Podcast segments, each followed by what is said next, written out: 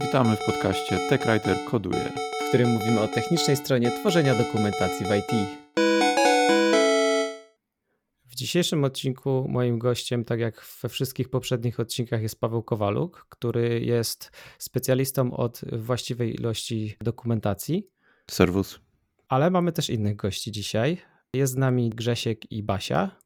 Może się przedstawicie, czym się zajmujecie, skąd się wzięliście, co robicie na co dzień. Cześć, e, ja jestem Basia, pracuję na co dzień w firmie Eteplan. Jestem specjalistą do spraw dokumentacji. To jest takie tajemnicze stanowisko, ale generalnie w Eteplanie głównie zajmujemy się dokumentacją maszyn, innych sprzętów, raczej mniej softwarem. E, więc jakby moim codzienną moją pracą jest dokumentacja na przykład ładowarek elektrycznych do samochodów, karuzel, czy też sprzętu, który jest na przykład używany w przemyśle spożywczym do przygotowywania jedzonka. Może nie będę szczegółów zdradzać. Gdzieś tam może nam wyjdzie po, drodze, ale to właśnie jest to, co robię na co dzień. Cześć, jestem Grzesiek. Pracuję w Eteplanie jako specjalista do spraw dokumentacji technicznej, gdzie podobnie jak Basia dokumentuję maszyny. Wcześniej pracowałem przy dokumentacji software'u, zwłaszcza dużych, e, dużych aplikacji dla równie dużych firm, więc mam poniekąd doświadczenie w obu tych kwestiach. Wcześniej jeszcze przez wiele lat jako tłumacz, więc można powiedzieć, można powiedzieć że, mam trochę, że mam trochę doświadczenia z każdej możliwej strony tego środowiska dokumentacyjnego. Szczegółów niestety tego, czego dokumentuję, powiedzieć Wam nie mogę, ale wszyscy wiemy, jak to jest. Jasne, tajemnica państwowa, zrozumiała sprawa. Natomiast zanim przejdziemy do poważnego tematu, czyli za dużo dokumentacji, chciałbym Was zapytać e, na rozgrzewkę, czy specjalista do spraw dokumentacji w przemyśle maszynowym też koduje, czy nie koduje? Ja może udzielę odpowiedzi takiej uniwersalnej, to zależy. Ale. Bardzo, bardzo dobra odpowiedź. Tak. tak, to zależy, bo my y, jesteśmy firmą, która mm, oferuje te usługi jakby dokumentacyjne e, dla firm zewnętrznych, czyli my tak naprawdę nie dokumentujemy tego, co u nas się e, produkuje, tylko dokumentujemy sprzęt, e, który produkują inne firmy, więc jakby też nie, nie zawsze mamy wpływ na to, że, żeby coś kodować, ale jeżeli po naszej stronie jest cały setup systemu, który jest używany do dokumentacji, to jak najbardziej możemy kodować.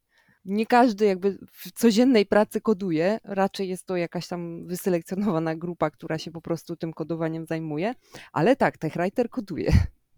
Super, czyli pasujecie doskonale do naszego tematu. Czyli nie kodujecie ładowarek ani żadnych dziwnych maszyn, ale tylko narzędzia do dokumentacji. To zanim zaczniemy y, rozważać tematy związane właśnie z nadmiarem informacji w dokumentacji i tym pochodnych, to ja chciałbym Was zapytać, jaka jest różnica między dokumentowaniem oprogramowania a dokumentowaniem maszyn. Grzesiek, Ty wspomniałeś, że pracowałeś w obu światach, więc pewnie łatwiej będzie Ci znaleźć analogię. My ogólnie obracamy się głównie w świecie oprogramowania dokumentacji do oprogramowania, więc świat maszyn jest nam dość obcy, więc będziemy wdzięczni za przybliżenie trochę tej dziedziny tutaj myślę, będziemy musieli współpracować trochę z Basią pod tym względem. Natomiast, natomiast przede wszystkim podstawową, olbrzymią różnicą między światem maszyn a światem software'u jest to, że jak to ktoś ostatnio ładnie powiedział, software raczej nie zabija. Maszyny niestety potrafią być bardzo zabójcze i bardzo niebezpieczne, dlatego dokumentacja maszyn i to, w jaki sposób ta dokumentacja powstaje, co ta dokumentacja ma zawierać i tak dalej, jest znacznie bardziej obwarowana prawnie. Mamy masę wymagań typu dyrektywa maszynowa, którą, e, do, którą dokumentacja musi spełniać. Ta dokumentacja musi zawierać konkretne informacje, dotyczące bezpieczeństwa ma powstawać zgodnie z konkretnymi normami i standardami w, w, taki sposób, żeby można było tą dokumentację dołączyć do produktu i żeby ta dokumentacja nie stanowiła dla nikogo zagrożenia zdrowia, życia itd. Tak I żeby spełniała te wszystkie wymogi prawne, które obowiązują. Ja mam taki przewrotny komentarz, a to nie jest trochę tak, że y, maszyny zabijają, ale też oprogramowanie złe na maszynie potrafi zabić? Ależ oczywiście, że tak. w maszynach mamy dosyć sporo aplikacji typu embedded, więc tutaj faktycznie taka aplikacja może zabić. Ale naszą, naszym zadaniem jest tak naprawdę udokumentowanie to w taki sposób, żeby ostrzec użytkowników przed tym, żeby czegoś nie klikali i żeby przypadkiem tam nie wsadzali ręki, bo jednak mogą ją stracić. I to jest niezwykle ważne, dlatego po prostu ta dyrektywa maszynowa jest dla nas takim przewodnikiem podstawowym. Z dyrektywy maszynowej jest też dużo wyłączeń, bo oczywiście są też innego typu maszyny, urządzenia, na przykład militarne, czy nawet powiedzmy te karuzele, które gdzieś tam dokumentujemy też. E, tam ta kwestia bezpieczeństwa jest jeszcze bardziej e, podkreślona i tam naprawdę trzeba bardzo sztywno trzymać się wszystkich zasad, bo jednak serwisowanie karuzeli może wpłynąć na to, czy, czy będziemy mieć wypadek w wesołym miasteczku, czy wszystko będzie przebiegało bezpiecznie.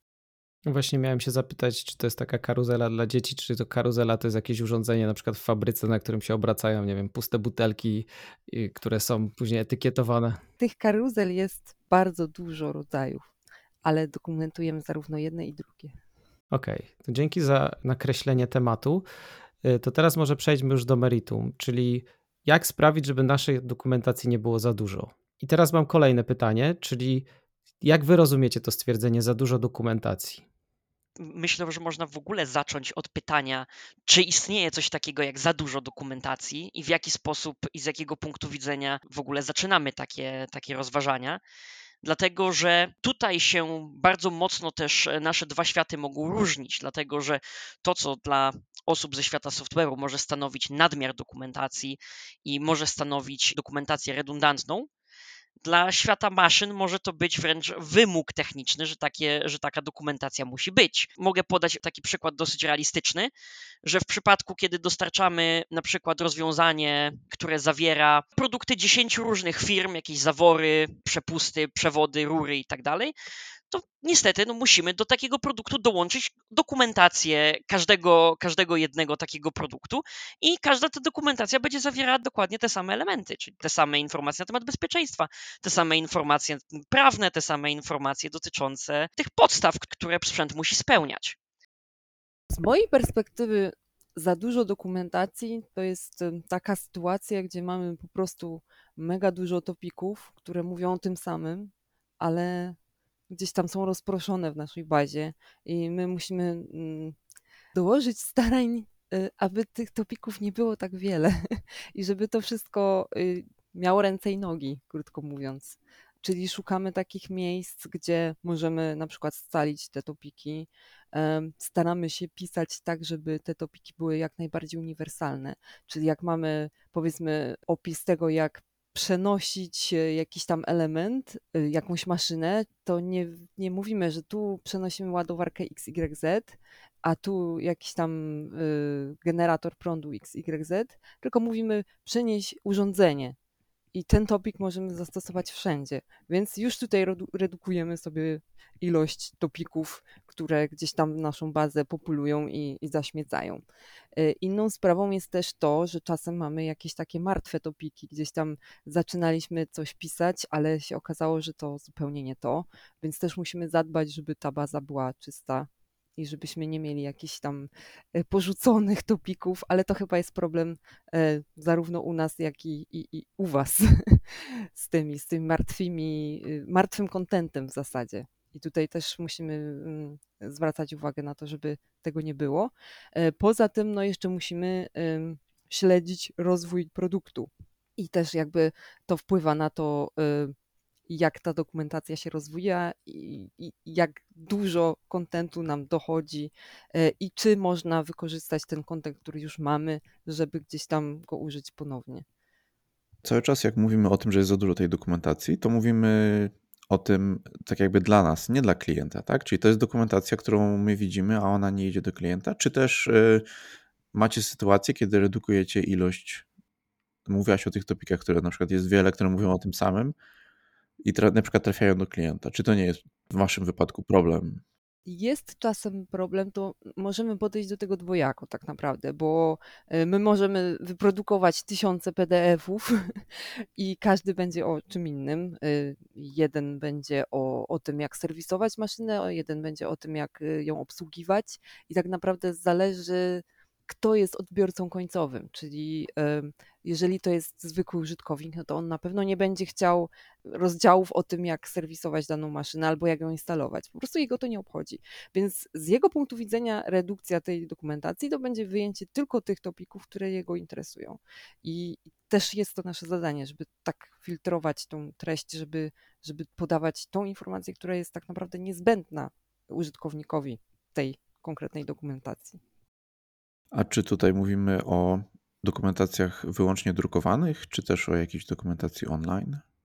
To jest świetne pytanie, bo mamy coś takiego jak dojrzałość dokumentacji, czyli dokumentacja taka niedojrzała to jest właśnie, nie wiem, dokumentacja w Wordzie. Tak, w naszej branży Word to jest po prostu narzędzie numer jeden. Nie wiem jak u Was, ale staramy się to wyplenić i to naprawić i jakby pociągnąć tych klientów wyżej na tych schodach dojrzałości dokumentacji i dlatego proponujemy właśnie rozwiązania typu y, systemy zarządzania treścią. Dla niektórych to jest to kompletna nowość w ogóle. Jako, że dokumentacja sprzętu to jest dokumentacja fizycznych rzeczy, prawda, z reguły.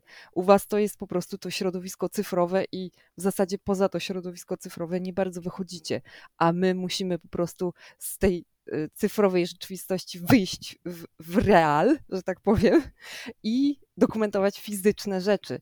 I na przykład zmiany, które są y, konstruktorzy wprowadzają na prototypie, nie zawsze mają odzwierciedlenie w cyfrowej y, wersji, czyli w modelu 3D. I tutaj też musimy śledzić ten proces. Bardzo często się zdarza, że na przykład model 3D jest w ogóle niezaktualizowany. Jadę do klienta, patrzę i pytam, a co to jest? bo tego tam nie było. A, bo myśmy robili testy iśmy tam coś zamontowali, ale to, mm, to Maciek nie miał w ogóle czasu, żeby to do modelów wrzucić, ale, ale tak będzie. Chociaż nie wiem, czy będzie w produkcji, ale na prototypie taki jest. To może dokumentuj się to, co jest na prototypie. Więc generalnie mamy trudne zadanie czasem, żeby, żeby to ogarnąć i no jakby musimy dbać o to, żeby ten content był y, zgodny z rzeczywistością. I tutaj jest zawsze walka między writerem, który się no, szuka tej informacji, a, a tym mechanikiem, który po prostu konstruuje. Ja bym tu jeszcze dodał bardzo ważny aspekt, mianowicie to, że w dokumentacji maszynowej, o czym warto pamiętać, dokumentacja, która trafia do klientów, która trafia do serwisantów, która trafia, jest rozproszenia z produktem, zgodnie z wymaganiami dyrektywy maszynowej, nie ma wyboru, musi być dokumentacją fizyczną, Innymi słowy, my bardzo często nie mamy komfortu tego, że jeżeli wykryjemy, że coś jest nie tak, że, że coś nie działa, że się pomyliliśmy i tak dalej, to nie bardzo możemy wziąć i zrobić szybką podmiankę w gicie albo gdzieś stronę wiki podmienić, przekierować linka i nie, tego nigdy nie było. To, co wypuszczamy, jest wersją finalną. Z tego też powodu stosujemy dosyć zaawansowany proces e, kontroli jakości tej dokumentacji, cały czas jesteśmy właśnie w kontakcie z klientem, cały czas jesteśmy w kontakcie z przedstawicielami klientów, którzy sprawdzają, przeglądają tą dokumentację, sprawdzają, czy ona jest zgodna, czy ona spełnia ich wymagania i tak dalej, i tak dalej. A jednocześnie sami też wewnętrznie sprawdzamy dokumentację, czy ona spełnia nasze wymogi dotyczące stylu, czy ona spełnia nasze wymogi dotyczące norm, czy ona jest zgodna z założeniami, czy ona spełnia swoje funkcje. Właśnie dlatego, że nie, często nie ma takich możliwości.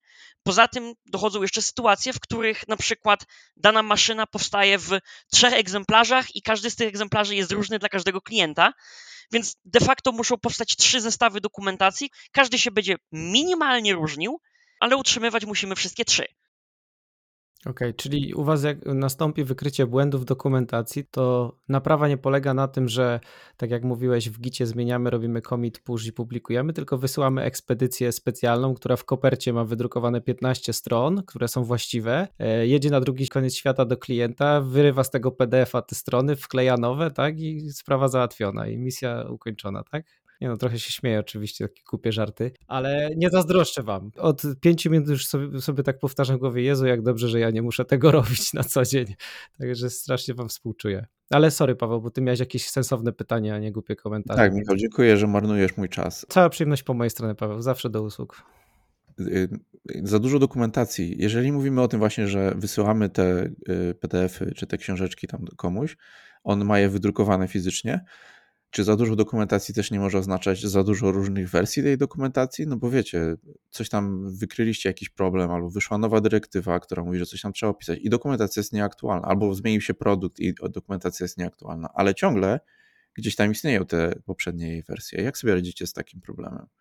Urokiem CMS-ów, z których ogólnie korzystamy do dokumentowania rozwiązań maszynowych i tak dalej, jest to, że one zapewniają, co prawda nie w taki sam sposób jak Git czy, czy Subversion i tak dalej, ale zapewniają nam pewien sposób kontroli wersji. Innymi słowy, jeżeli napiszemy jakiś konkretny moduł, potem możemy sobie stworzyć drugą wersję modułu, trzecią wersję modułu, czwartą wersję modułu i generalnie dokumentacja, którą my generujemy, dokumentacja, która potem trafia do klienta, opiera się na najnowszej bądź wybranej przez nas konkretnie wersji danego modułu.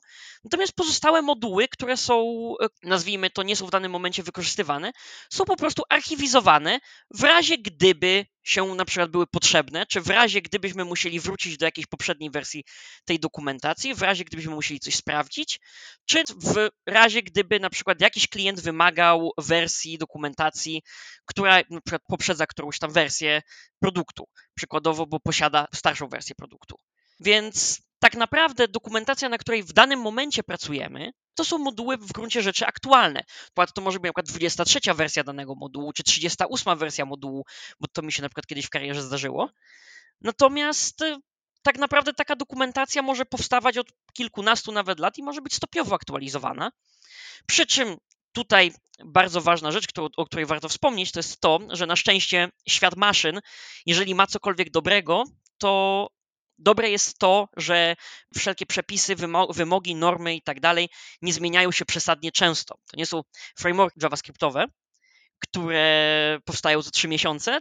Generalnie zmiana dyrektywy maszynowej Tutaj mogę się podzielić taką ciekawostką. Nowa aktualizacja dyrektywy maszynowej wyjdzie, zdaje się, w czerwcu czy w lipcu tego roku i w końcu pozwoli wysyłać elektroniczne wersje dokumentacji klientom. Mamy rok, przypominam, 2023. Więc mamy generalnie zwykle bardzo dużo czasu na dostosowanie się do tych zmian po prostu.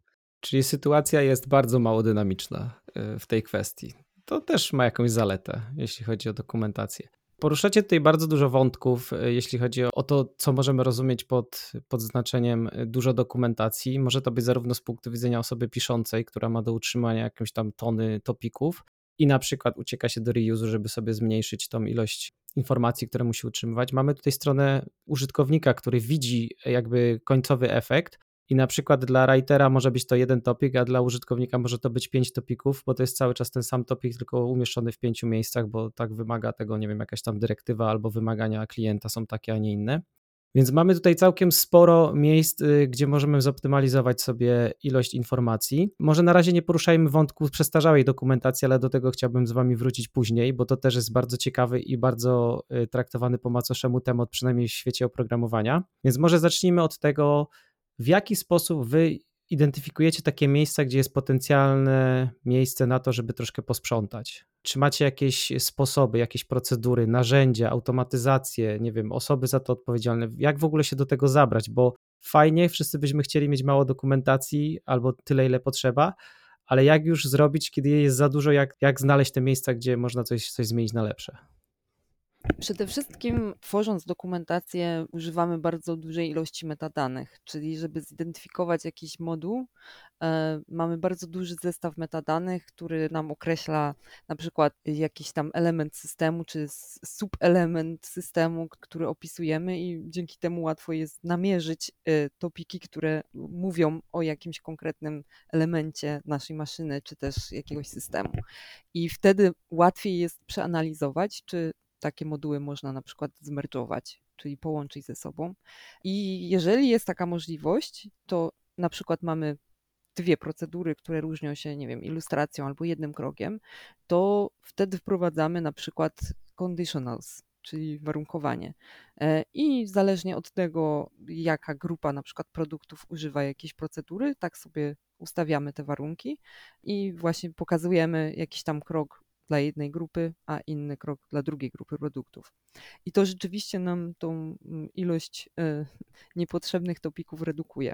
Inną rzeczą jest też e, jakby niektóre CMS-y mają takie narzędzie, które pod, po, pozwala właśnie identyfikować mm, topiki, które są bardzo podobne y, i rokują na to, że można je ze sobą po prostu połączyć.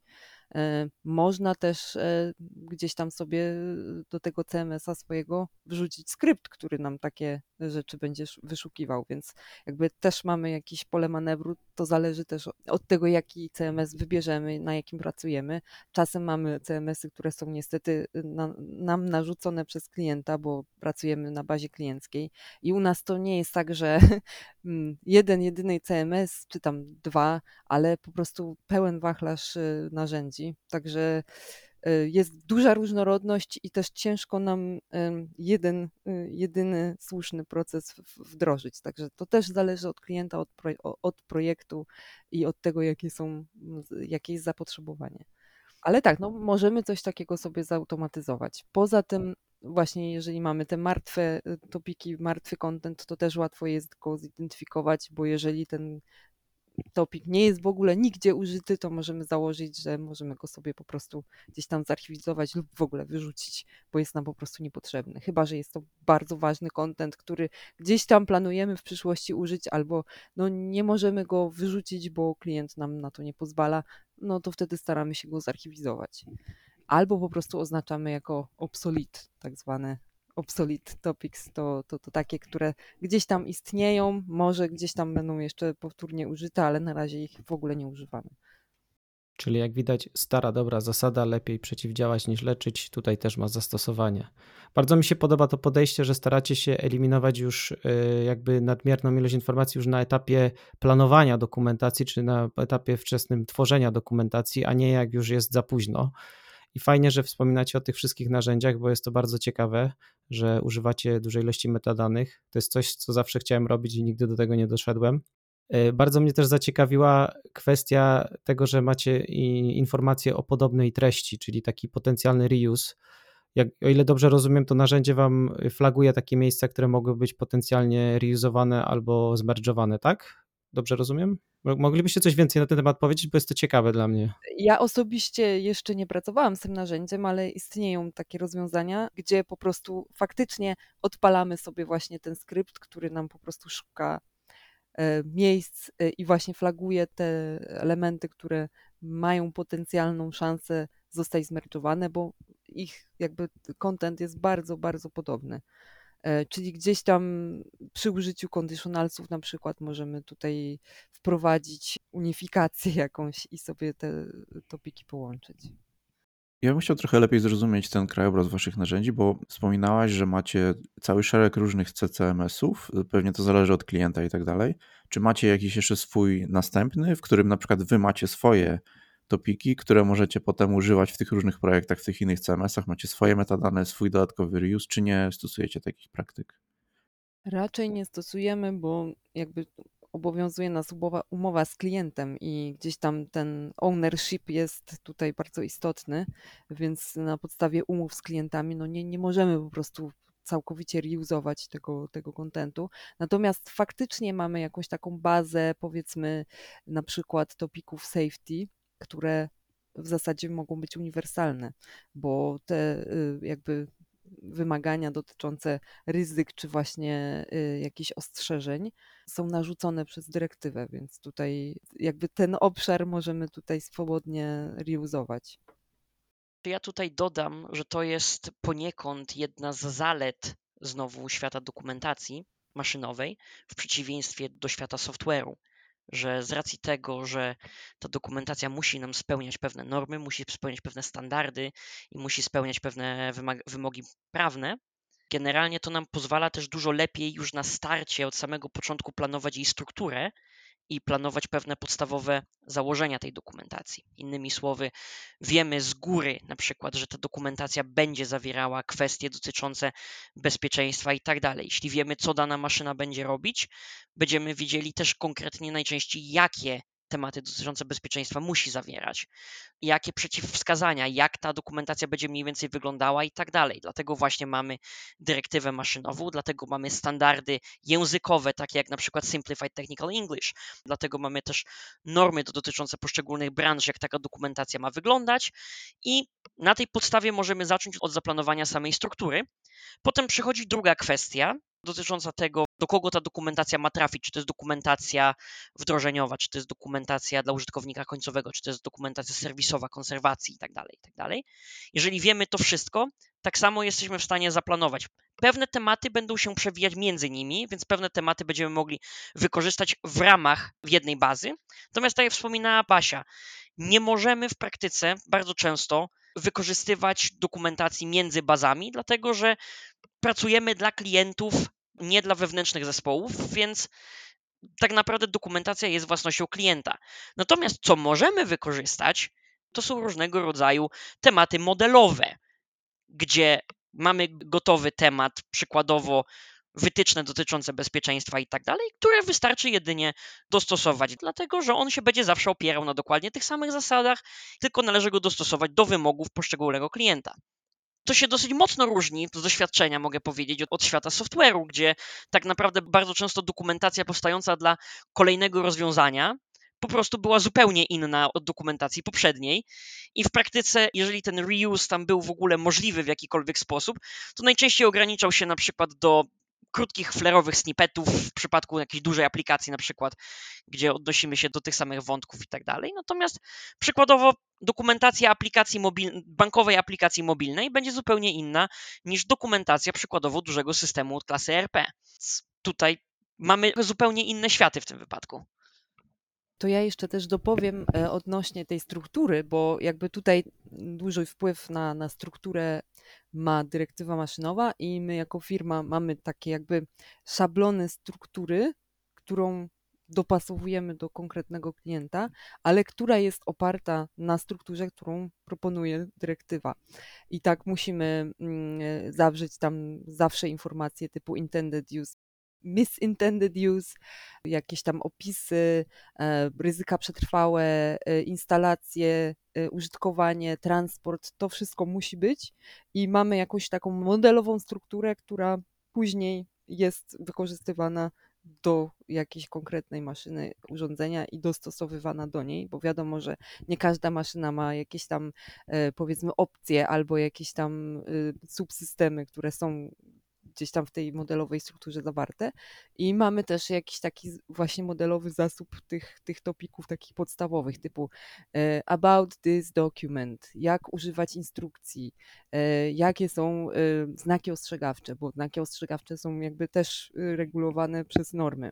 I te jakby znaki zawsze są takie same bo norma nam je po prostu na nas wymusza. I takie topiki rzeczywiście, jeżeli startujemy bazę klienta od zera, to populujemy jakby tą bazę tymi podstawowymi topikami i później nabudowujemy na, na, na tych topikach e, jakby naszą już konkretną treść.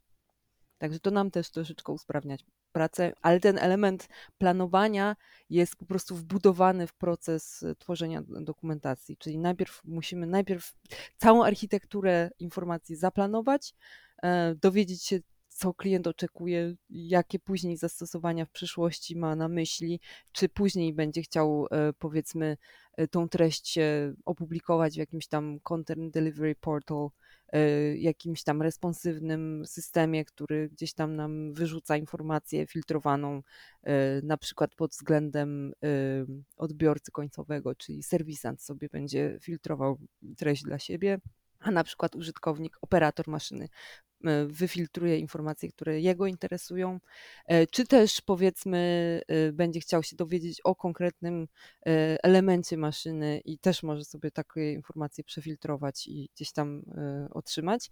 I jakby to zastosowanie w przyszłości też wpływa na to, jakie metadane sobie gdzieś tam zdefiniujemy i staramy się te metadane już od samego początku jakby aplikować, mimo że jeszcze ich nie używamy do końca, to gdzieś tam to rozwiązanie jest tak zwane bulletproof, czyli gdzieś tam w przyszłości tą treść będzie można spokojnie wykorzystać e, w jakichś tam bardziej dynamicznych systemach.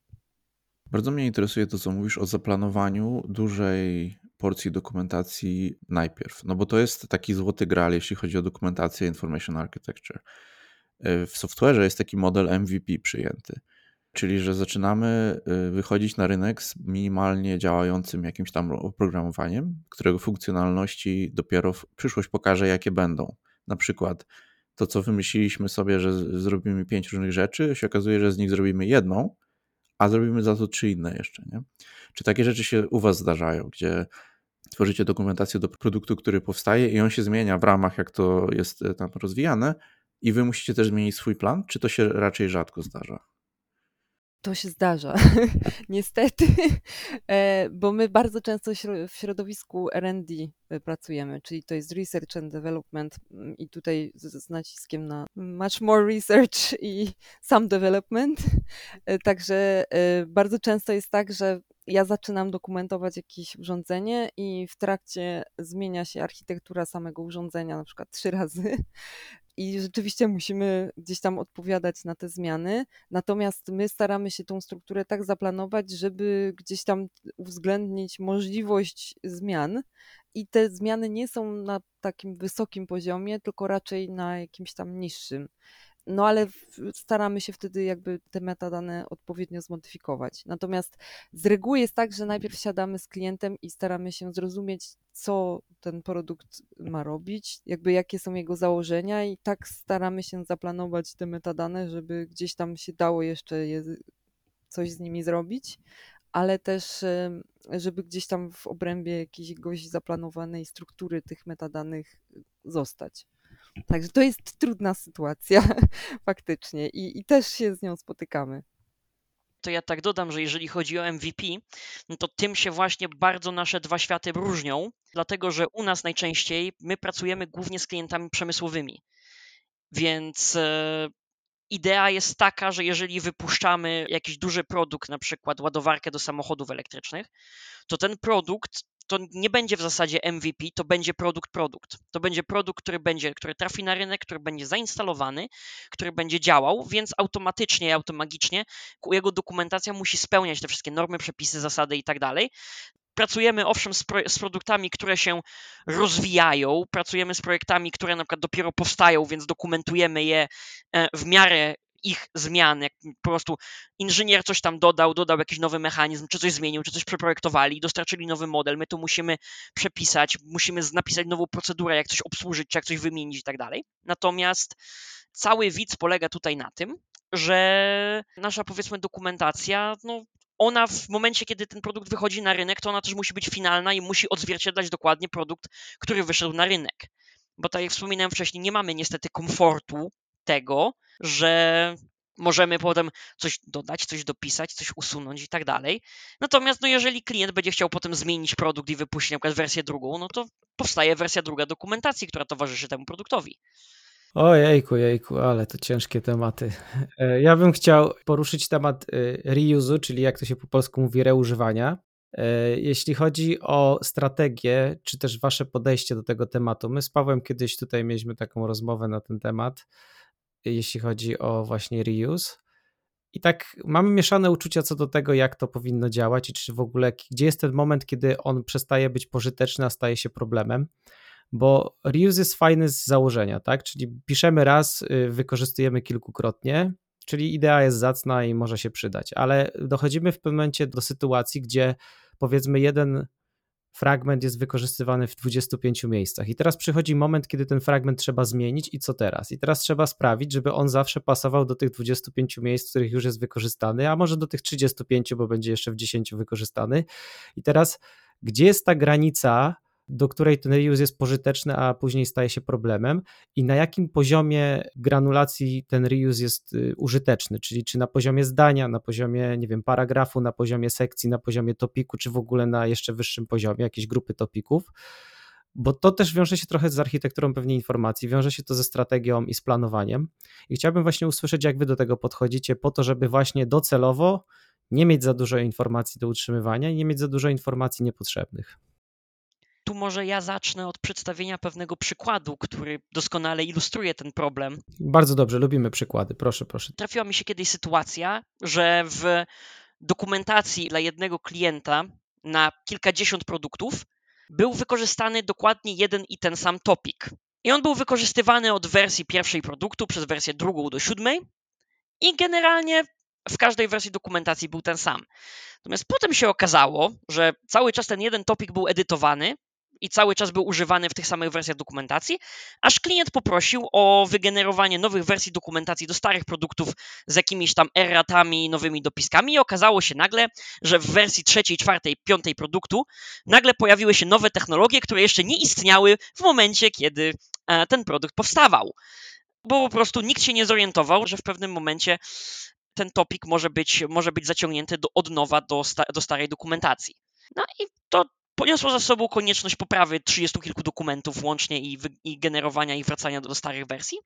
Więc ja bym powiedział tak, że reuse jest bardzo przydatny, jeżeli chodzi o elementy faktycznie powtarzalne. Jeżeli chodzi o elementy typu właśnie bezpieczeństwo, przynajmniej w naszym świecie, czy elementy takie, jeśli chodzi o konkretne procedury, które wykonywane są za każdym razem w ten sam sposób w przypadku jednego urządzenia czy jednej rodziny urządzeń. Natomiast reuse się robi bardzo problematyczny w momencie, kiedy zaczyna obejmować wiele produktów, bądź kiedy zaczyna obejmować wiele rodzin produktów i tak dalej, dlatego że może prowadzić do właśnie śmiesznych sytuacji. Y, to znaczy, ja nie wiem, czy one są śmieszne, bo jak tu wiele razy podkreśliliście, to można człowieka zabić takim, taką niedokładną instrukcją, więc może to być nawet yy, zgubne w skutkach. Tego właśnie mamy wielopoziomowe przeglądy wewnętrzne, mamy, przegl- mamy review wewnętrzne, mamy review z klientem. Klient otrzymuje E, co najmniej dwie wersje robocze dokumentacji, gdzie może sobie sprawdzić, gdzie, gdzie może się wypowiedzieć, gdzie sprawdzają to też inżynierowie i tak dalej. Dlatego regularnie konsultujemy się z wszelkimi ekspertami po stronie klienta, z analitykami, z inżynierami, etc. Wszystko po to, żeby zapewnić, że te instrukcje, że te instrukcje, które my tworzymy, że te dokumenty, które my tworzymy, dobrze odzwierciedlają produkt, opisują dokładnie co, to, co ten produkt robi, opisują dokładnie jego zachowanie, opisują dokładnie jego działanie i faktycznie nie zrobił nikomu krzywdy. I to jest moim zdaniem jedna z tych głównych rzeczy, o których tutaj należy pamiętać.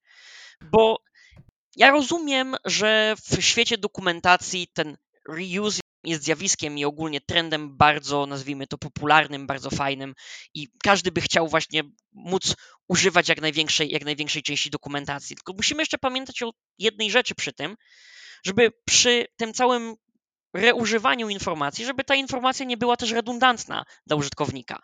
Żeby na przykład użytkownikowi nie mówić 10 razy, że ma coś robić w 10 miejscach w tej dokumentacji, żeby na przykład też użytkownika informować na bieżąco, że na przykład, żeby na przykład serwisantowi nie mówić, że jak sobie kliknie ten przycisk na panelu, no to, no to mu się zaświeci zielona dioda, której on wcale nie potrzebuje, bo on nigdy z tego panelu nie skorzysta.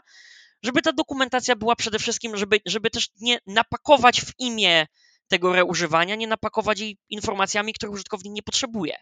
Zwłaszcza, że normy pisania dokumentacji właśnie maszynowej i tak dalej raczej zachęcają nas do tego, żeby ta dokumentacja była możliwie zwięzła, możliwie prosta. Na przykład Simplified Technical English wymaga, żeby maksymalna długość zdania 20 słów, e, wszystko maksymalnie w punktach, maksymalnie uproszczone, jasne, proste, jedna instrukcja, jedno zdanie i tak dalej, i tak dalej.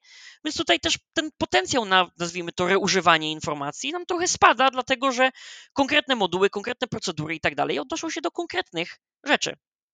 Czyli tutaj, jak rozumiem, ten kontekst y, wykorzystania informacji ma znaczenie, czyli w imię, tak jak powiedziałeś, idei reużywania informacji, nie możemy zapominać o tym, że użytkownik znajduje się w pewnym kontekście jakiejś tam procedury i że należy mu wyświetlać tylko te informacje, które są dla niego przydatne w tym kontekście, a nie tak po prostu wszystko, bo mamy, no to sobie wyświetlimy, tak? Czy tam wyprodukujemy taką stronę, nie? Dokładnie tak. Przede wszystkim tworząc dokumentację, już zaczynając na etapie architektury tej dokumentacji, nam przyświeca z góry określony cel. Na przykład tworzymy dokumentację dotyczącą konserwacji jakiegoś urządzenia, więc będą tam obowiązkowe informacje, które, które wymagają normy, dyrektywy i tak dalej, ale przede wszystkim, i tego bardzo mocno staramy się pilnować, będą tam wyłącznie informacje, które będą dotyczyły konkretnych procedur.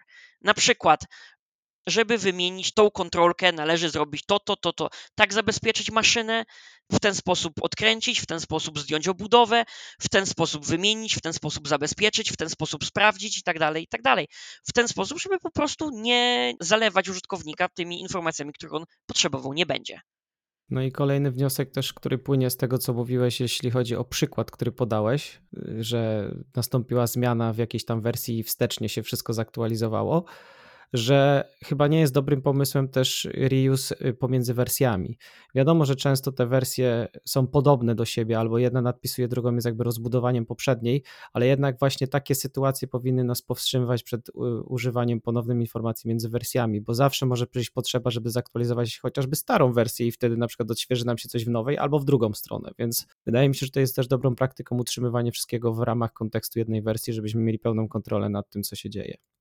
Tutaj dodam, że na przykład jeden z CCMS-ów, których, e, z których korzystamy, e, generalnie cała dokumentacja, poszczególne treści są w osobnych modułach i osobnych fragmentach. Natomiast z tych fragmentów, z tych modułów składamy książkę, która to książka jest zbiorem konkretnych modułów w konkretnych wersjach i wtedy aktualizacja takiego modułu, aktualizacja takiego fragmentu do najnowszej wersji musi być świadomą decyzją twórcy, który powinien usiąść i porównać, co się zmieniło, dlaczego się zmieniło. Tutaj olbrzymią rolę odgrywają te nasze metadane, komentarze, co się zmieniło, kto zmienił, dlaczego zmienił, w kontekście jakiego produktu się to zmieniło. Mamy też na przykład możliwość stworzenia drzewa produktowego, że na przykład dany moduł odnosi się do tego produktu, tego produktu i tego produktu w tej i tej wersji i tylko do tych. I wtedy, jeżeli ktoś chce na przykład wykorzystać ten moduł w innym kontekście, na przykład w kontekście innego produktu, dlatego, bo na przykład widzi, że to jest tak naprawdę taki sam produkt, tylko różni się, nie wiem, wyglądem zewnętrznym i to będzie tylko wymagało wymiany ilustracji w, wewnątrz modułu, to może to zrobić, natomiast będzie to wymagało jego aktywnej decyzji i powinno przynajmniej skutkować aktywnym sprawdzeniem tego, czy taki moduł faktycznie wykorzystać może. Albo jeżeli chce wykorzystać stary moduł do starego wariantu danego urządzenia, powinien sprawdzić, co się zmieniło po drodze. I to też będzie wymagało aktywnej decyzji. Więc ograniczamy maksymalnie, przynajmniej w naszych rozwiązaniach, ograniczamy maksymalnie ryzyko, że nastąpi przypadkowe reużycie czegoś, co nie powinno być reużyte, dlatego że to wymaga po prostu zaangażowania, wymaga, otwarte, wymaga jasnej, konkretnej decyzji technical writera, wymaga konkretnej decyzji osoby odpowiedzialnej za przygotowanie dokumentacji, wymaga aprobaty ze strony, ze strony wszystkich recenzentów tej dokumentacji, więc to nam trochę też rozwiązuje ten problem i staramy się tego unikać, żeby po prostu w takie pułapki nie wpadać. Brzmi to dobrze. Bardzo mi się podobają te mechanizmy zabezpieczające. Ale proszę, Basia. Ja tutaj właśnie chciałam jeszcze dodać, że no jakby reuse w mojej codziennej pracy jest problematyczny w dwóch takich aspektach. Pierwszy to jest problem, kiedy pracujemy w dużym zespole i mamy dużo reusowanych topików i na przykład inny writer mi aktualizuje topik, który jest w moim dokumencie i aktualizuje go w ten sposób, że ja już nie mogę zreusować tej treści w moim dokumencie. E, I tutaj to jest taki moment, kiedy uświadamiamy sobie, jak dużej dyscypliny wymaga reuse, bo tak naprawdę właśnie tutaj jest ta aktywność nasza potrzebna. Czyli tak naprawdę, biorąc jakiś topik do ponownego użycia, musimy najpierw sprawdzić, gdzie ten topik funkcjonuje. I jeżeli go aktualizujemy, to musimy się upewnić, czy nasza aktualizacja nie wpływa gdzieś tam wstecznie na inne dokumenty. I tu to narzuca na nas bardzo dużą dyscyplinę i gdzieś tam komunikację między, międzyzespołową, gdzie podejmujemy decyzję, że na przykład nie, tu już porzucamy reuse, po prostu tego się już nie da zreuzować i wtedy jakby wychodzimy już z tego schematu reuse'u i musimy gdzieś tam nowy schemat jakby sobie zbudować, czyli że jakaś grupa produktów ma jakieś nowe rozwiązanie i jakby to trzeba już prowadzić w, jakby w osobnym branchingu tego topiku i musimy jakby dojść do konsensusu, że teraz używamy branchingu i nie możemy już aktualizować sobie gdzieś tam wstecznie tych topików, które już tam gdzieś wcześniej są zreuzowane. Bo zauważyłam, że to jest bardzo duży problem, jeżeli autor aktualizuje bez żadnego pomyślunku, że tak powiem, i bez sprawdzenia, gdzie ten topik wcześniej funkcjonował. A inna kwestia jest taka, że w niektórych CCMS-ach są takie mechanizmy, gdzie sobie zamrażamy zasoby y, w danej wersji, czyli jest wersja powiedzmy trzecia i zamrażamy sobie wszystkie zasoby, które używamy w danej wersji i wtedy jesteśmy pewni, że jak wrócimy do tej trzeciej wersji, to na pewno zaciągniemy te topiki, które w tej trzeciej wersji funkcjonowały, w takiej formie, jakie, jakiej tam były. I jeżeli ktokolwiek coś zaktualizuje, to nie wpłynie to na naszą jakby wersję trzecią. I w szóstej wersji będziemy sobie pracować na kolejnych tam aktualizacjach topików, ale jak wrócimy do trzeciej, to zawsze będziemy mieć to samo, co mieliśmy w wersji trzeciej. A drugim jeszcze takim miejscem, gdzie y, pojawiają się problemy, jest za dużo conditionalsów, bo czasem dochodzi do sytuacji, że mamy powiedzmy 200 wierszy w jednym topiku, bo jest powiedzmy 20 różnych produktów i do każdego jest jakiś warunek i po prostu to już się robi jakaś ośmiornica, która y, hoduje sobie kolejne macki, więc tego też staramy się bardzo unikać i gdzieś identyfikujemy ten problem na poziomie, gdzie już rzeczywiście trudno nam ogarnąć, która macka do którego produktu idzie. Y, I tu też musimy to rozwiązać na zasadzie konsensusu, bo to z reguły ma miejsce w jakichś bardzo dużych zespołach i musimy po prostu wspólnie usiąść i się zastanowić, jak to rozwiązać, bo tutaj jakby problemów może to stworzyć bardzo dużo. I to jest moment, kiedy się musimy zatrzymać i się zastanowić nad naszą architekturą i jak zrewidować nasze zasady, czy naszą architekturę, czy strukturę. Także tu identyfikuję takie dwa pola, które potencjalnie wygenerują problem przy reusie. Ja się zastanawiam też nad y, może jeszcze jednym y, pomysłem dotyczącym reuse'u, y, który wynika z różnicy pomiędzy w cudzysłowie książką, a kontekstem webowym.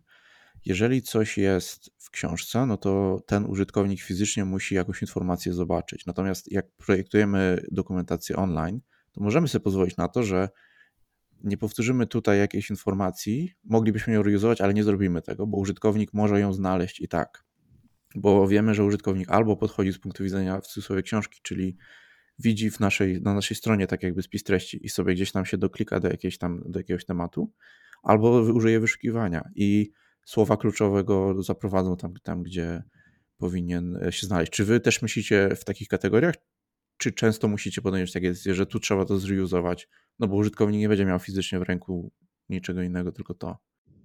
Tak, no tutaj jest ta kwestia, że e, po pierwsze staramy się uniknąć redundancji, czyli nie powtarzamy tego samego topiku w obrębie dokumentu dwa razy, bo jak już raz e, wystąpił, to nie powtarzamy go, bo zależy nam, żeby instrukcja miała 100 stron, a nie 150. Raczej staramy się stosować odnośniki, czyli wszędzie tam, gdzie my uważamy, że e, istotne jest poinformować użytkownika, że żeby zwrócił na coś uwagę, to zawsze odsyłamy do miejsca, a nie powtarzamy tą samą treść. Więc po prostu y, to nam rozwiązuje sprawę reuse'u, po prostu odnośniki świetnie działają. I tutaj też jakby w kontekście webowym te odnośniki później też świetnie y, funkcjonują, bo łatwo jest przekierować użytkownika w konkretne miejsce i on nawet nie musi nic szukać tak naprawdę. No i inna sprawa jest taka, że wiedząc, że klient planuje gdzieś tam taką webową na przykład y, stronę z, z pomocą, też pod tym kątem planujemy tą, tą treść, robimy architekturę, żeby to dobrze funkcjonowało, więc y, staramy się robić te topiki jak najbardziej konkretne, po prostu y, jak najmniejsze porcje informacji, które, które po prostu gdzieś tam funkcjonują w różnych kontekstach dobrze, więc y, nie musimy pisać dwa razy dwóch topików, które się składają z dwóch części informacji, tylko rozbijemy je na dwa osobne topiki mniejsze. I tutaj łatwo jest wtedy odsyłać między topikami tutaj poniekąd jeszcze możemy wrócić do pytania, od którego zaczęliśmy, znaczy co to, co to znaczy zbyt dużo dokumentacji, bo w tym wypadku wydaje mi się, że, że tak naprawdę nasze podejście do zarządzania dużymi bazami dokumentacji, czy zarządzania jakimiś dokumentacjami wielu produktów tego samego producenta, bądź ogólnie wielu zróżnicowanych mm, producentów, to jest przede wszystkim nie tyle usuwanie tych informacji, czy redukowanie ich zasobów, tylko przede wszystkim jest to też ich archiwizacja, ale archiwizacja też świadoma. I tak naprawdę to jest praca, która zaczyna się od samego początku już planowania tych dokumentacji, bo jeżeli w momencie, kiedy zaczynamy planować dokumentację, planujemy architekturę tej informacji i tak dalej, planujemy odpowiednie metadane już na poziomie rozpoczynania projektu, oznaczamy każdy moduł, oznaczamy każdy temat, oznaczamy każdy fragment. I w efekcie to nam pozwala mieć wersje rozwojowe tych modułów, które potem w momencie, kiedy wypuścimy wersję finalną, możemy je sobie zarchiwizować bądź nawet usunąć, jeżeli wiemy, że z tych już korzystać nie będziemy. Natomiast sama dokumentacja jako taka, tak naprawdę możemy, możemy utrzymywać, bo to nie jest ani specjalnie zasobochłonne, ani specjalnie czasochłonne. Tak naprawdę możemy po prostu archiwizować i utrzymywać duże archiwum tej dokumentacji po to, żeby mieć możliwość w każdej chwili powrotu, czy sprawdzenia, czy porównania, czy porównania produktów i tak dalej. Więc wydaje mi się, że w przypadku naszej branży nie tyle powinniśmy mówić o ograniczaniu ilości tej dokumentacji, bo tutaj nas też ograniczają konkretne, ograniczają nas konkretne zasady.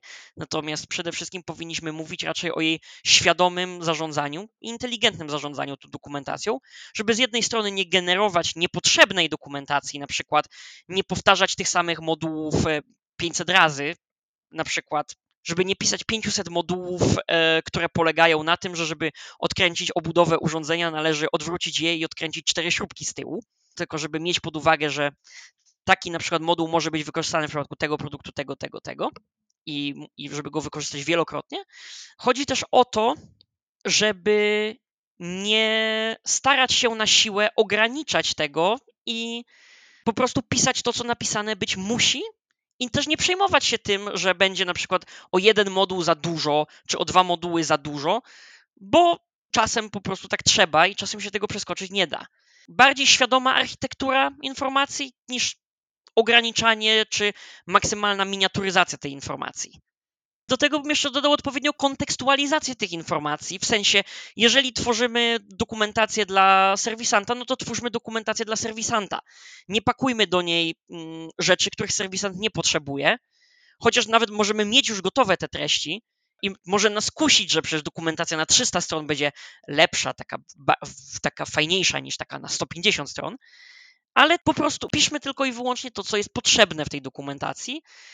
Nie starajmy się jej po prostu dmuchać na siłę, żeby, żeby po prostu miała jak, naj, jak najwięcej informacji i żeby robić ten reuse, żeby był, żeby uzasadnić tą potrzebę tego reuse'u. Tutaj wydaje mi się, że kluczową kwestią w tym przypadku, e, jeżeli już rzeczywiście zdecydujemy, że potrzebujemy takiej dużej ilości informacji, jest to, żeby ją po prostu móc odnaleźć sprawnie i móc zweryfikować, czy to jest właśnie to, czego potrzebuje. I tu chyba w takim przypadku trzeba zadbać o to, żeby, żeby ta informacja była jak najłatwiejsza dla, do znalezienia. I temu właśnie służą nasze metadane, żeby pozwolić odnaleźć się topikowi i żeby być w stanie zweryfikować, że ten topik do mojej maszyny model Z25.n pasuje. I, I to jest właśnie kluczowe, żeby gdzieś tam tą architekturę tak dobrze sobie dopasować, zaplanować, żeby być w stanie znaleźć konkretną informację, którą potrzebujemy w danej instrukcji. I jakby zdarzyło się gdzieś tam u różnych klientów, że to znalezienie tych informacji było już tak niemożliwe, że po prostu porzucono pomysł reuse'u i tworzono zawsze nowy topik do każdego nowego sprzętu, bo już nikt nie był w stanie odnaleźć tych starych topików, które by pasowały, ale po prostu trzeba było powtarzać te same topiki, bo już nikt nie był w stanie się odnaleźć w tej, w tej bazie i, i nikt nie był w stanie zweryfikować, czy ten topik jest właściwy, czy nie. I po prostu już do każdego sprzętu był ka za, za każdym razem tworzony nowy topik. I już wszyscy machnęli ręką, dobrze, no to już będzie nazwa tego modelu, tego urządzenia po prostu w tym tytule tego topiku i wszyscy będą wiedzieć, że to jest do tego i koniec, kropka. Także tutaj gdzieś tam y, królicza nora prowadziła do może niekoniecznie krainy czarów, tylko do jakiejś czarnej dziury. I tego też staramy się unikać, żeby ta informacja była łatwa do znalezienia i żeby ta praca była przyjemna, a nie straszna. Jest to zdecydowanie bardzo ważna sprawa, jeśli chodzi właśnie o ilość dokumentacji, możliwość poruszania się po niej i te metadane świetnie do tego służą. Ale ja bym chciał jeszcze nawiązać do czegoś, o czym mówiliście oboje trochę wcześniej, czyli tematy, które są potrzebne, topiki, które są potrzebne w świecie webowym, często się używa analityki e, użycia. E, I już Wam powiem o co mi chodzi i powiedzcie mi, czy to ma znaczenie dla Was, bo jeżeli tworzę dokumentację online, jeżeli ona też trochę powstaje na zasadzie takiego MVP i iteracji i tak dalej, no to ja na przykład mogę sobie pomyśleć, zaprojektować dokumentację, która zaczyna się od tutorialu. I uważam, że moi użytkownicy będą potrzebowali tutorialu. I potem po dwóch latach patrzę na analitykę tutorialu i weszły tam dwie osoby. Tego nie będę aktualizował, no bo go po prostu ludzie nie używają. Może go nie mogli znaleźć, nie wiem, robimy jakieś badania i tak dalej, dochodzimy do tego. Czy wy wykorzystujecie też taką informację zwrotną w jakiejkolwiek postaci? Czy to analityka, czy inna? To jest sytuacja idealna, gdzie mielibyśmy rzeczywiście gdzieś tam badanie um, używalności tej dokumentacji, którą tworzymy. No, w naszym settingu to nie jest takie łatwe do zrobienia, bo z reguły wymagałoby znacznych nakładów, żeby zbadać użytkowników końcowych klienta, który tak naprawdę też jakby nie chce nam powiedzieć, kto jest użytkownikiem, albo po prostu go to zupełnie nie interesuje, bo po prostu dostarczył dokumentację i go to nie w ogóle nie interesuje.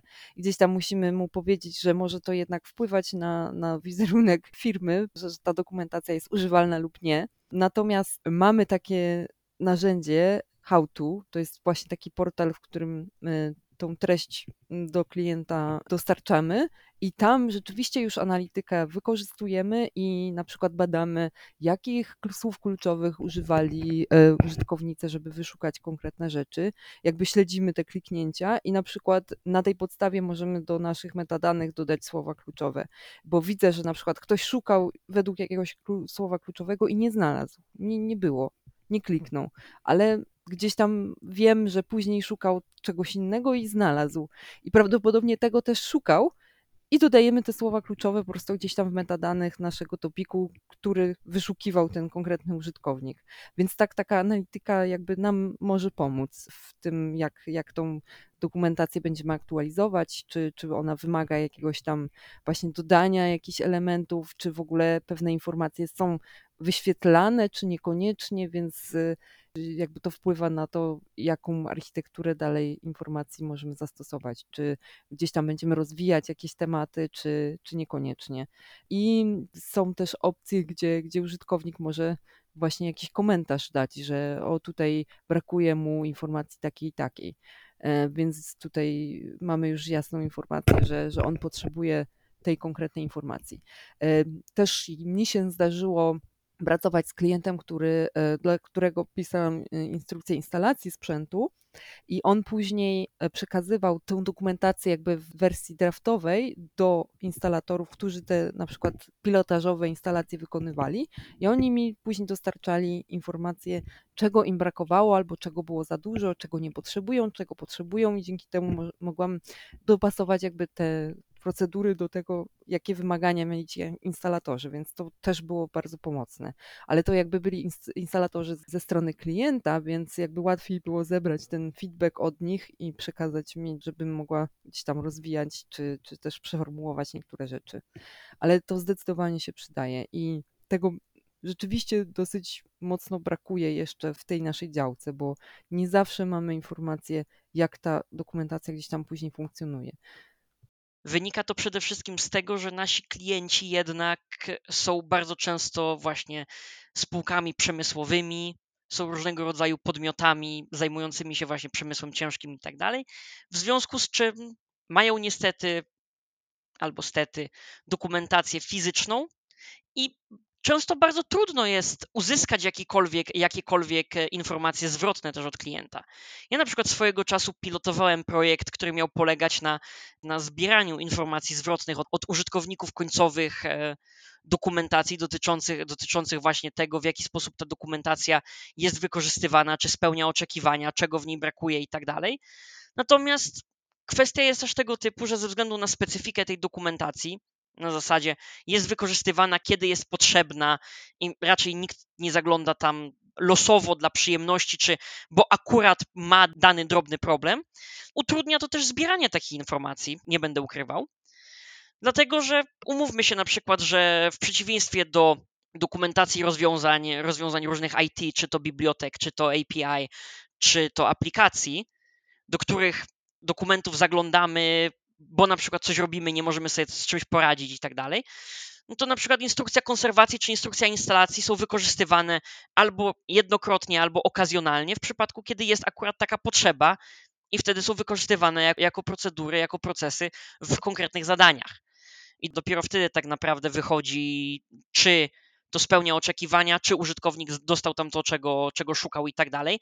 Stąd też takie wielkie skupienie właśnie na etapie, na etapie już tworzenia dokumentacji, na tworzeniu wersji roboczych, na przedstawianiu ich klientowi, na konsultacjach z klientem, na wszelkiego rodzaju spotkaniach wyjaśniających, spotkaniach z, z analitykami, z SMI i tak dalej.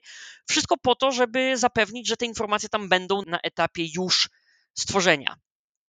To ja mam jeszcze ostatnie pytanie chyba już do Was, bo rozmawialiśmy dużo o tym, jak zapewnić, żeby nie było za dużo dokumentacji od tej strony początkowej, czyli w trakcie planowania, pisania, publikowania czy też sprawdzania. To teraz skupmy się może na tym drugim końcu, kiedy ta dokumentacja już jest opublikowana i ona robi się przestarzała. Czyli mamy jakąś starą wersję dokumentacji do produktu czy też do maszyny, która już nie funkcjonuje albo bardzo mało kto z niej korzysta, albo niedługo będzie usuwana to teraz jak sobie radzicie z tym, żeby znaleźć takie informacje, które muszą zostać zarchiwizowane czy też usunięte?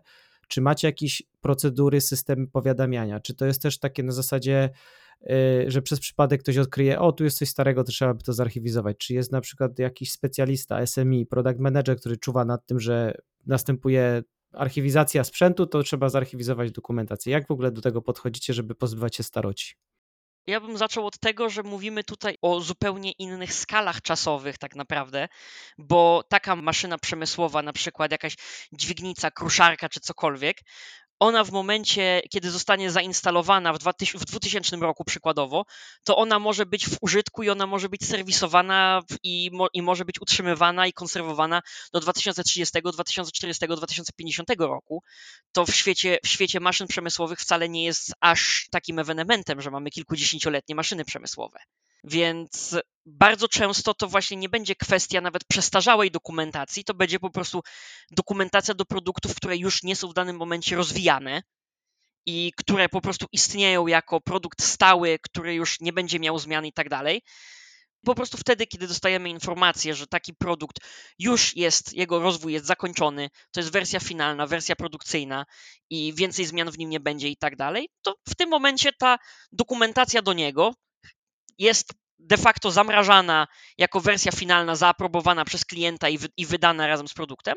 I w takim momencie ona jest archiwizowana jako stan stały niejako, jako taka kapsuła czasu, na podstawie której można zbudować potem następną. W, takim, w takiej sytuacji, gdyby na przykład była potrzebna druga wersja, czy była potrzebna zaktualizowana wersja, po prostu tworzymy sobie kopię na podstawie wersji wcześniejszej, wersji finalnej, która jest zamrożona i tam nadbudowujemy, tam zmieniamy, na, na jej podstawie tworzymy nowe moduły, tak żeby zapewnić jednak ciągłość i tą kontrolę wersji. Natomiast sytuacje typu, że coś trzeba usunąć konkretnie albo czegoś się trzeba pozbyć, dlatego że, dlatego, że coś jest przestarzałe, obawiam się, że to nie w tym świecie.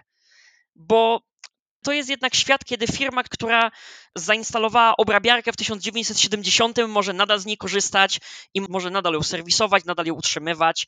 Nikogo nie dziwią w fabrykach na przykład komputery, które działają jeszcze pod kontrolą Windowsa 95, 98. Nikogo nie dziwią rozwiązania zainstalowane w latach 80., 90. czy, czy wczesnych 2000. Więc Tutaj tak naprawdę warto pamiętać o tym, że jednak w przypadku dokumentacji typowo maszynowej, dokumentacji typowo przemysłowej, raczej nie mówimy o usuwaniu. Raczej nie mówimy o usuwaniu. Jeżeli coś usuwamy faktycznie, to będą to jakieś wersje robocze, które były odrzucone, czy wersje, które powstawały jako, jako jakieś brudnopisy, na podstawie których powstały wersje finalne. Natomiast raczej nie ma takiej praktyki, żebyśmy usuwali kiedykolwiek gotową dokumentację do istniejącego produktu, nawet jeżeli on osiągnie już status end of life, nawet jeżeli on już utraci wsparcie i tak dalej, bo ta dokumentacja, ten produkt, pomimo tego, że on może być stary i tak dalej, ten produkt nadal funkcjonuje w jakimś stopniu. Firmy nadal go mają, nadal są na niego klienci, nadal są jego odbiorcy. Więc ta dokumentacja kiedyś zawsze może nam się przydać, bo nie ma na przykład gwarancji, że jeżeli na przykład oryginalny producent ten produkt kiedyś porzuci, nie ma żadnej gwarancji, że na przykład w przyszłości nie zwróci się do nas ktoś, kto używa tego produktu, żeby uzyskać wsparcie w sprawie tego produktu, przykładowo. Często się zdarza tak, że sprzęt powiedzmy z lat 80. jest serwisowany obecnie i na przykład już nie produkuje się jakichś konkretnych części. E, I tutaj jest wtedy mm, konieczność wprowadzenia na przykład zmian w dokumentacji, które by wskazywały jakieś alternatywne zamienniki, e, jakieś części, czy na przykład odkryto, że jakaś tam część się zużywa szybciej niż zakładano, więc e, e, zmienia się też częstość serwisowania, czyli coś, co miało być serwisowane pierwotnie co 5 lat, musi być serwisowane co 2 lata i to jest naprawdę bardzo ważna zmiana i wtedy musimy ją wprowadzić, ale to z reguły jest inicjowane przez jakiegoś tam e, eksperta SMI, produkt ownera z, od naszego klienta, który właśnie nam przekazuje tę informację, że tutaj jest taka bardzo ważna zmiana i musimy ją wprowadzić i my po prostu e, jakby przygotowujemy nową wersję, ale jakby my jako osoby, które tylko ten content tworzą, nie jesteśmy jakby upoważnieni do decyzji o tym, co należy zmienić. Możemy zasugerować, że na przykład tutaj zmieniliście na przykład jakieś tam szyny w ładowarce i dobrze by było jeszcze zaktualizować ten topik, w którym jest na przykład e, opisane, jakie rodzaje terminali są na tej szynie. I oni mówią, hmm, faktycznie pomyśleliśmy o tym, dobrze, zaktualizujmy też to. Więc tutaj jest nasza rola, żeby też gdzieś tam być może identyfikować miejsca, na które ta zmiana ma również wpływ, bo czasem SMI nie, jakby nie wyobrażał sobie, że, że to rzeczywiście będzie miało wpływ na jakieś tam inne topiki. Także ja też staram się trzymać pieczę nad tym, żeby całość e, dokumentacji była poprawnie zaktualizowana w każdym miejscu który aktualizacji wymaga. Ale jakby inicjuje ten proces zawsze y, jakiś ekspert, który tym produktem się zajmuje. Dlatego też zresztą wrócę tak trochę do jednego z poprzednich tematów, dlatego na przykład w naszej branży nie działa, jeżeli chodzi o dokumentację zwłaszcza, nie działa podejście MVP. Dlatego, że dla nas zawsze ta dokumentacja techniczna, która wychodzi do klienta jako pierwsza, nawet jeżeli to jest produkt rozwojowy, to ona najczęściej stanowi 80-90% już finalnej dokumentacji, gdzie wszystkie istniejące funkcje są opisane, wszystkie działania i tak dalej, wszystkie procedury są stworzone albo przynajmniej są zarysowane.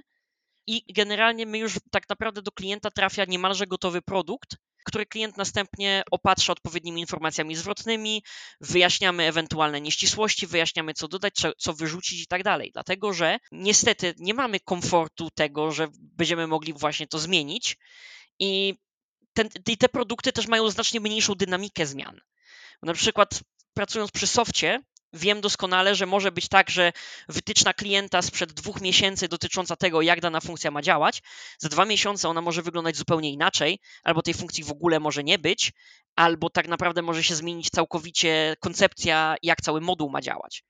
W przypadku sprzętów przemysłowych, mniejszych bądź większych, czy to, mały, czy to nawet małe artykuły gospodarstwa domowego, czy, czy to olbrzymie dźwignice, Zasada działania w gruncie rzeczy pozostaje taka sama. Zmieniają się pewne szczegóły. Może się zmienić na przykład zastosowanie, na przykład dane łożysko może zostać e, zastąpione wózkiem szynowym, przykładowo. Natomiast rzadko się zdarza, że zmieni się całkowicie koncepcja działania, więc tak naprawdę to, to jest i błogosławieństwo, i przekleństwo poniekąd. Bo z jednej strony możemy dzięki temu tworzyć od razu finalny produkt, nie tylko dostosowywać się do zmian w, w czasie developmentu, ale z drugiej strony to też powoduje, że no nie zawsze jest tak łatwo i czasem jedna mała zmiana w urządzeniu może pociągnąć za sobą konieczność zmiany dużej części dokumentacji, bo na przykład, tak jak Basia wspominała, przykład z ładowarkami. I to jest z jednej strony bardzo dobre, z drugiej strony bardzo złe niestety. Fakt, że ta dokumentacja jest też automatycznie dużo mniej dynamiczna wtedy. Ona jednak powstaje w całości i ona powstaje do konkretnego rozwiązania, do konkretnego produktu. Ona się nie zmienia, ona nie musi być aktualizowana cały czas wraz z cyklem rozwojowym produktu, a jeżeli, cyk, a jeżeli nawet jest produkt aktualizowany, to ten cykl rozwojowy produktu jest znacznie dłuższy i znacznie bardziej rozciągnięty w czasie niż w przypadku software'u. To nie jest jednak Scrum, to nie jest Agile, to jest stary dobry Waterfall i to w jego najlepszym i najdłuższym wydaniu. I tym optymistycznym akcentem myślę, że możemy zakończyć naszą rozmowę na temat zbyt dużej ilości dokumentacji. Chyba, że Paweł masz jeszcze jakieś pytania, bo ja już wyczerpałem swój zasób. No ja nie wiem, ja nie słuchałem trochę, co mówiliście, ale wydaje mi się, że nigdy nie ma za dużo dokumentacji. Dokumentacji im więcej, tym lepiej. Ja oczywiście żartuję. Dziękujemy Wam bardzo za rozmowę, no bo to jest bardzo ciekawe dla mnie e, porównać to doświadczenie, które przez osta- ostatnie lata zdobyłem w software'ze. Wcześniej pracowałem odrobinkę też w dokumentacji maszynowej, ale nie mam tak rozległej wiedzy i od tak wielu klientów jak Wy. Dlatego naprawdę cenię sobie tą naszą dzisiejszą rozmowę. Dziękuję Wam bardzo. Również muszę przyznać, że się wiele dowiedziałem.